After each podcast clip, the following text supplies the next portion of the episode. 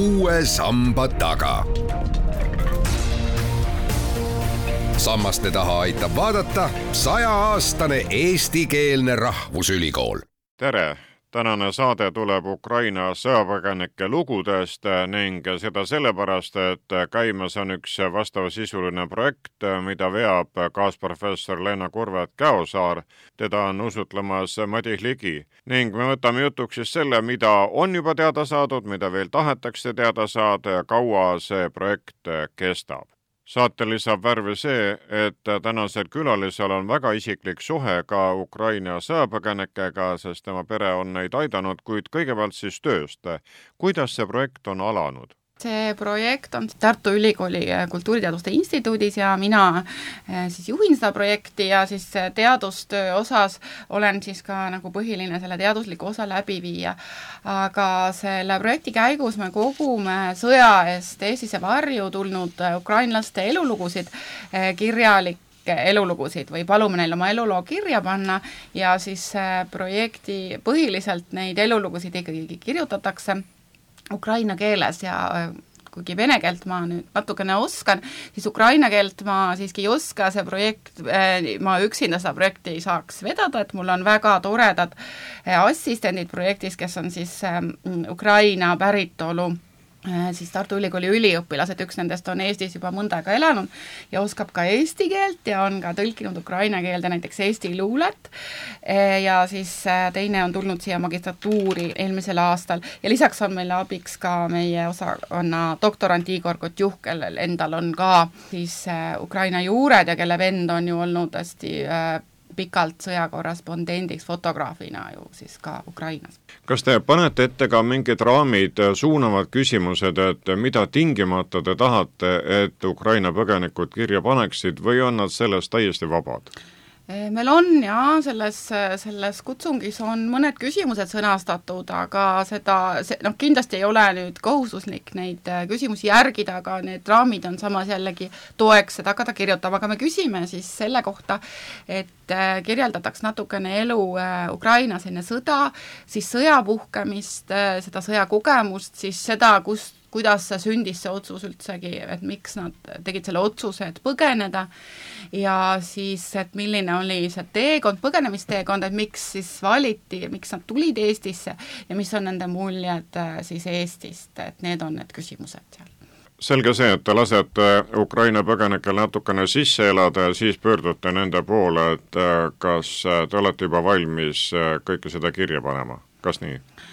Selle kutsungiga me, sellega tulime välja kuskil mai lõpupoole ja siis noh, nagu jätkuvalt me seda üha nagu suuremas ringis tegelikult siis nagu levitame seda informatsiooni ja siis noh, nagu tegelikult on hea ju saada erineva nagu erinevast ajast ka siia varju tulnud inimeste elulugusid, peab ütlema, et enamasti need, kes kirjutavad, et tegelikult on ju enamus sõjapõgenikke on naised lastega, enamus, kes kirjutavad, ongi, ongi siis naised, et ja siis nagu veel kaks sellist nagu vanuse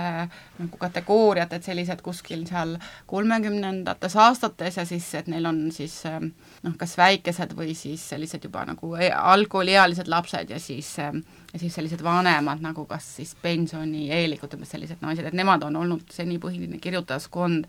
aga siis eh, lisaks noh, nagu paljudel eh, nagu min-, nagu ma olen ise tegelenud ka vabatahtlikuna ukrainlaste aitamisega, mul on oma selline noh, väike niisugune tutvusringkond ka kellega ma olen kokku puutunud neid aidates. Ja paljudel neist on äh, need avalikud Facebooki postitused, et ilma, et ma oleks siis nende Facebooki sõber, neid saab lugeda. Ja siis ka nendes nad reflekteerivad siis selle üle näiteks, et mis tunne on ka Eestis äh, siin elada. Ja siis tegelikult just mitu, mitu postitust ilmus siis kuskil seal augusti, augusti teisel poolel, et ilmselt oli see aeg nagu nii palju siis settinud et neil oli nagu mingisugune selline seisukoht, aga see, mida kirjutatakse, on ikkagi, on ka niisugune nagu pöördutakse, on palve eestlastele, et me oleme väga tänulikud selle abi eest ja, ja, ja see on meile väga-väga palju nagu kasuks ja see on päästnud meie elud ja meie laste elusid, aga et me oleme ikkagi nagu, et meie südamed on murtud ja meie nagu mõtted ja ikkagi kõik on oma kodumaa ja oma Ukrainaga ja seal me tahaksime üle kõige olla. et noh, et me ei ole nagu, et te mõtlete, et noh, et me oleme tänamatud, aga me ei ole nagu, et me, me ei ole nagu päris oma sellises noh, nagu õiges konditsioonis, et see ei ole, et ükskõik kui hea ja armas meil siin olla ei ole, et me alati igatseme oma kodumaad, et seda, see on kõlanud nagu äh, siis nendest mitmetest postitustest läbi mida nad panevad kirja selle kohta, kuidas on sündinud see otsus just nimelt tulla Eestisse, on siin mingi teadlik valik või see on selline eksprompt? Nendes lugudes, mis on meile saadetud, seal on erinevad põhjused, et näiteks, et kellelgi olid sellised hästi kauged sugulased, kellega nad tegelikult kontaktis ei olnud, aga siis vist need sugulased olid ise kontakti võtnud ja öelnud, et teil on ju Eestis sugulased, et kas te ei taha, et, et tulge, kui vaja, tulge sõja eest siia varju. ja siis on olnud neid, kes on, et keegi teine teine pere on tulnud ja, ja nad on nagu tulnud kaasa, on neid, kes on noh, nagu lihtsalt teinud selle otsuse ära tulla ja siis nad on jõudnud Ukrainast välja ja siis nad on mõelnud, et noh, et ma tegelikult ei tea, mis edasi. ja siis on sattunud Eestisse, aga no tegelikult noh, meie ise, meie, minu enda pere maakodus elas üks Ukraina pere siis kevadel ligi neli kuud ja siis mina ei tundnud neid kuidagi ennem ja nendel tegelikult ei olnud Eestis mingeid nagu, ka keegi nende sõpradest ega tuttavatest ei tulnud Eestisse, aga küll aga nende tütar õpib Tallinnas magistratuuris ja elas siis koos minu tütrega ja minu tütar siis, kui see sõda algas, noh, tal oli tegelikult päris raske ka sellise noore inimesena see noh, nagu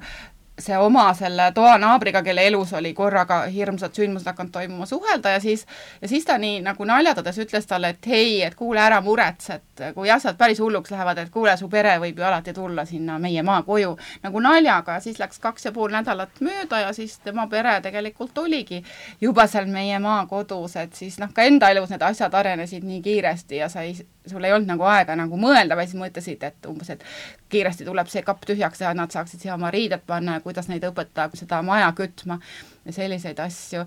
Ehm, nii et noh, et neid on, aga ütleme nii, et enamustel on mingisugused kontaktid ja, ja sagedasti on see, et keegi on ennem Eestis töötanud, et neil on näiteks kas või side mõne firmaga või et keegi pereliikmetest on siis juba ees, et see on nendes lugudes on vast valdav.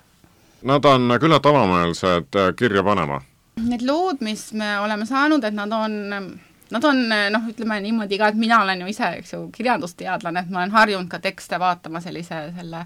sellisest esteetilisest seisukohast, need on kõik väga nagu väga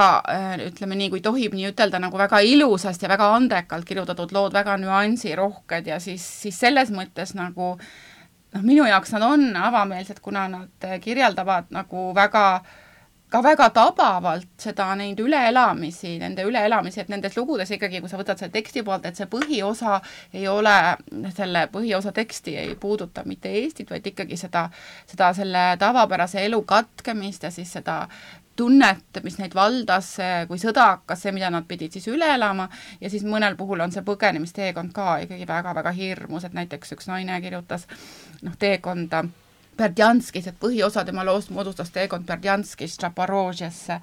eh, see Berdjansk, eks ju, langes siis sisuliselt esimesel seal sõjanädalal ja siis ikkagi selleks ajaks, kui tema sealt, oli kas minutes mai algus, kui ta läks, et siis oli ikkagi täielik eh, sõjatander, ta kirjeldab seda igapäevast äh, äh, nagu harilike selliste maastike muutumist sellisteks moonutatud hirmuäratavateks maastikeks, mulle väga on nagu meelde jäänud, kui ta kirjeldab, kuidas need, see evakueerimisbuss, et kuidas ta ühe põllu peal siis seisis ja siis, kuidas öö otsa neid mõlemalt poolt pommitati, kuidas ta siis äh, nagu pani nagu poja siis nagu sinna bussiistme peale magama, ise kögitas põrandal, aga siis otsustas veel, et tal oleks nagu äh, ohutum, et ta tõmbas ta siis sinna põrandale ja siis ütles, et noh, et nagu, et terve öö, et ta ei teadnud, et kas nad siis nagu pääsevad sealt eluga nagu noh, et ennem oleks lihtsalt buss sealt nagu, et rahulikult vaatab, et ahah, et põllud on just üles küntud või on vili kasvamas, et siis noh, see, selliseid asju lugedes nagu endal ikkagi see jõua-, nagu väga-väga kuidagi noh, liigutab või jõuab väga lähedalt kohale, nagu oleks ise seal olnud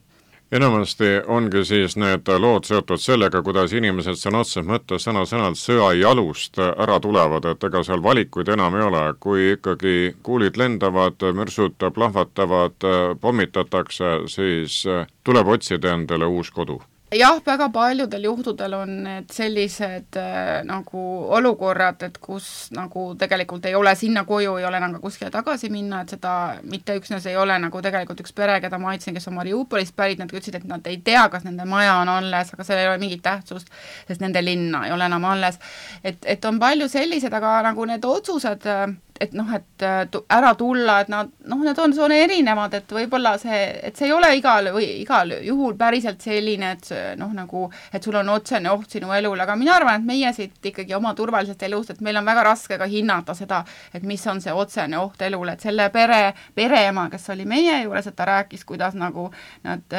istusid seal, neil on Kiievi nagu lähedal, eeslinnas on maja, nad arvasid, et nad on väga turvaline, kutsusid veel sugulasi ja sõpru, et meil on nagu midagi varjenditaolist, et see vahet pidamata, see õhuhäire, need signaalid ja see, see, kus sa tajud, et seal, kuidas need nagu need raketid lendavad, et ta ütles, et lihtsalt, et ta ei pidanud vastu, et ta lihtsalt, kui ta oli neli ööd päeva magamata, siis ta hakkas, ütles oma mehele, et palun, palun, et lähme ära, et lihtsalt, et noh, et vaimselt ei pea vastu. aga nagu selles mõttes võib-olla ei olnud niisugust otsest ohtu nende elule, nagu kui neid, neid lugusid, kus on konkreetselt siis nagu on kodud hävinud või pommid on langenud, siis nagu päris nagu kodutänavale, no nendel küll ka üks lennuk lasti maha kodutänavale ja naabermaja hävis, nii et et see tegelikult kah, see ütleme, kuidas öelda, see diapasoon, et see on väga, väga lai, aga need väga paljud lood on sellised ikkagi suurest, suurtest kaotustest ja hävingust, aga see ka, mida inimesed kirjutavad, nad kirjutavad seda, milline on nende eluperspektiivi muutumine, kuidas nad ennem nagu nad väga sageli kirjutavad, et noh, et elasime, et elu oli enam-vähem, mõtlesime siin väikest puhkust endale lubada, mõtlesin, kas poeg võiks minna sellesse hobiringi, elasime, unistasime ja siis, et peale sõja algust, et siis ei ole enam mingit nagu kuid ja nädalaid, et on esimene päev sõjast ja nii edasi, ja siis, et nüüd me elame nagu päev korraga, et meil ei ole enam, et me ei mõtle kaugemale ette ja meil ei, selles mõttes meil ei ole unistusi. Ja siis seda on ka tegelikult väga kurb lugeda kui palju teil tänaseks juba on neid Ukraina sõjapõgenike lugusid? Mm, no neid lugusid on, need võiks olla eh, natuke rohkem, neid on praeguseks kuskil siis viieteistkümne ringis ja siis neid on noh, nagu teadaolevalt veel seal kuskil neli-viis tükki tulemas, aga meil ikkagi selline plaan on, et neid lugusid võiks projekti jooksul saada sadakond kokku ja väga loodan, et see meil niimoodi ka õnnestub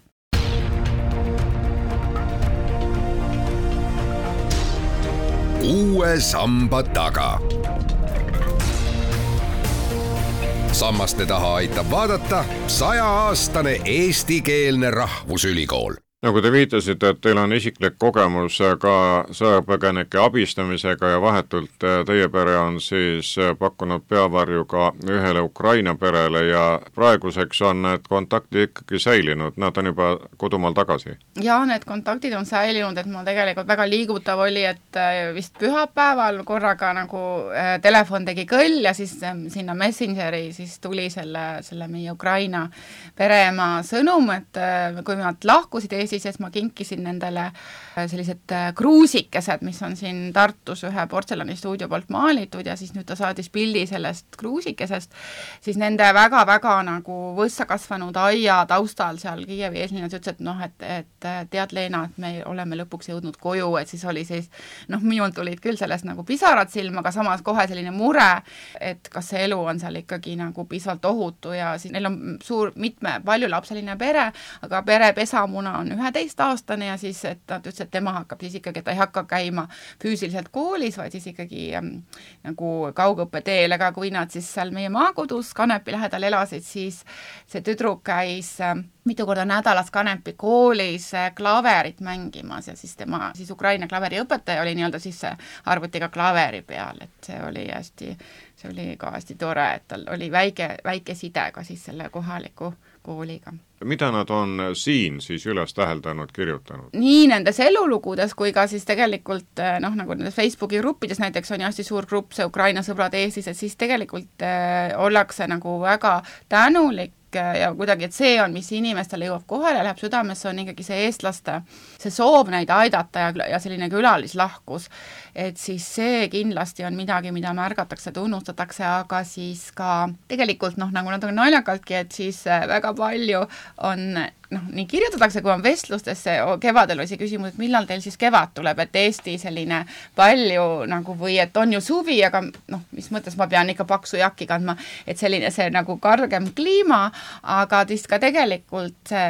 mida avastatakse, mis meeldib, on tegelikult ikkagi see Eesti loodus ja Eesti loodusrajad ja noh, nii palju, kui kellelgi on võimalust, et see on ka nagu muljet avaldanud. kuid teie jaoks on see ühtaegu nii-öelda elulooline materjal, kuid annab ka teadlasena võimaluse siis analüüsida mm, -hmm. vedada mingil määral ka paralleele, sest varem te olete uurinud küüditatute lugusid, nüüd siis Ukraina sõjapõgenike omi. kuidas inimesed midagi läbi elavad ja mida nad siis edasi mõtlevad, kui julged või optimistlikud või pessimistlikud nad on? no selles mõttes, et jah, et need konkreetsed ajaloolised kontekstid on erinevad, aga noh, siis tegelikult ka see sarnane joon küüditamisega on ka see, et siis, et, et see suured nagu inimeste hulgad siis ikkagi noh, nii-öelda väga sellise nagu peaaegu noh, nagu välkkiirelt, et nad äh, sunniti ümber asuma tuhandete kilomeetrite kaugusele täielikku tundmatusse, kuigi see, ütleme see, mis see, kui need ukrainlased, kes on siia Eestisse sõja eest varju tulnud, et nemad ei lähe ju mitte suuremasse viletsusse, vaid nagu parema elu poole ja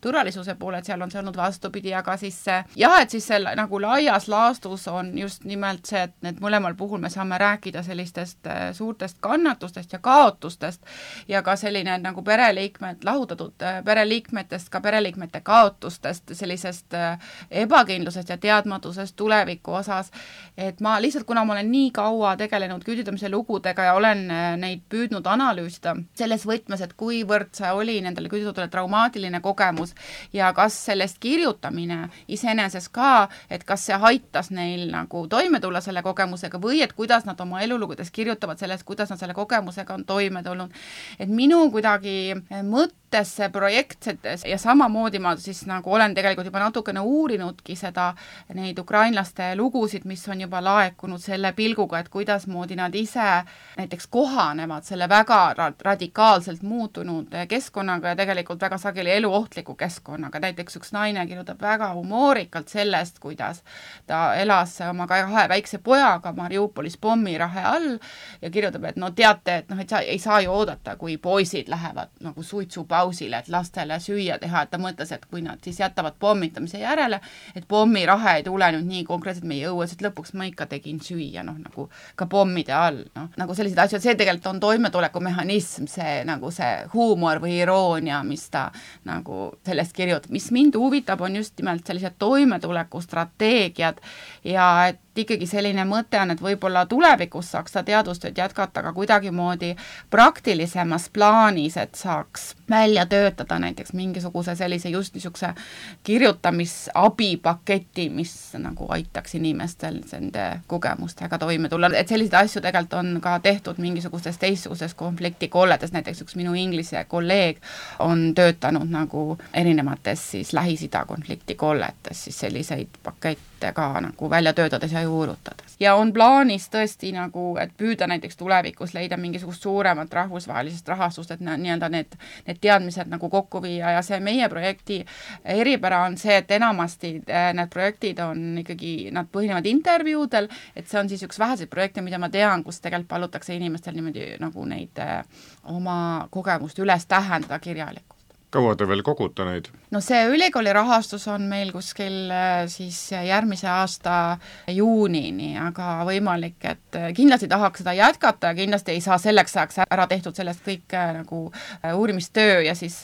niimoodi laiemas sellises ülikoolisiseses koostöös on meil plaanis siis ka selline traumateemaline konverents, kus kindlasti üks selle konverentsi osa keskenduks just nagu Ukraina lugudele ja mitte kindlasti ainult siis meie projekti mõttes, vaid ka et sinna on plaanis kutsuda siis neid rahvusvahelisi kolleege, kes sarnaste asjadega tegelevad. aitäh teile, kaasprofessor Leena Kurvet-Käosaar, küsija oli Madis Ligi.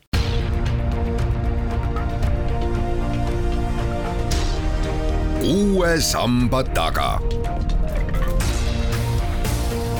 sammaste taha aitab vaadata sajaaastane eestikeelne rahvusülikool